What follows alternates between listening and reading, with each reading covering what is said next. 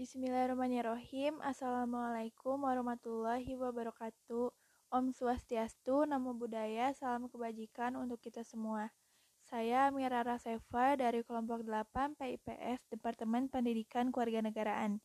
Di sini saya akan menyampaikan kesimpulan dan satu buah pertanyaan kepada pemateri dari kelompok 4.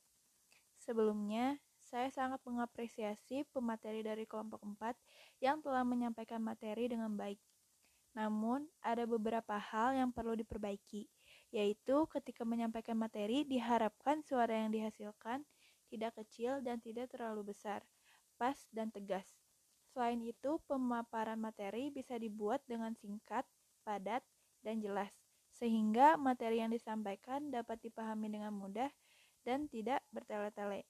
Namun, secara keseluruhan, kelompok 4 sudah memaparkan materi dengan begitu baik sehingga saya dapat menarik kesimpulan yaitu bab ini menjelaskan tentang teori ras kritis yaitu di mana guru sekolah menengah dituntut untuk menumbuhkan pemahaman dan apresiasi di kalangan kaum muda tentang bagaimana penganugerahan dan perlindungan hak-hak melalui pemerintah federal dan negara bagian, bersama dengan asumsi tanggung jawab oleh individu Idealnya bertemu untuk mempromosikan beralasan komitmen untuk partisipasi warga negara aktif untuk diri sendiri dan kebaikan bersama.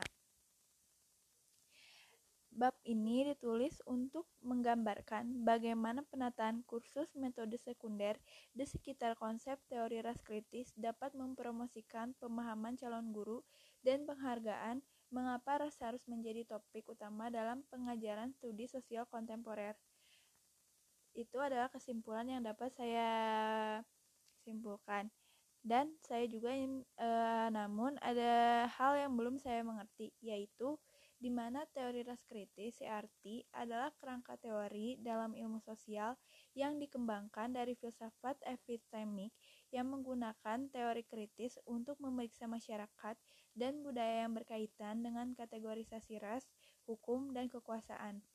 Lalu, di manakah posisi teori ras kritis ini di dalam kerangka ilmu pendidikan keluarga negaraan?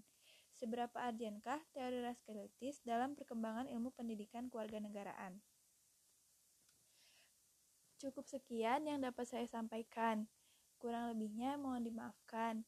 Dan bila ada kesalahan dalam pengucapan maupun penyampaian, eh, saya mohon maaf sebesar-besarnya. Sekian dari saya, Amira Roseva.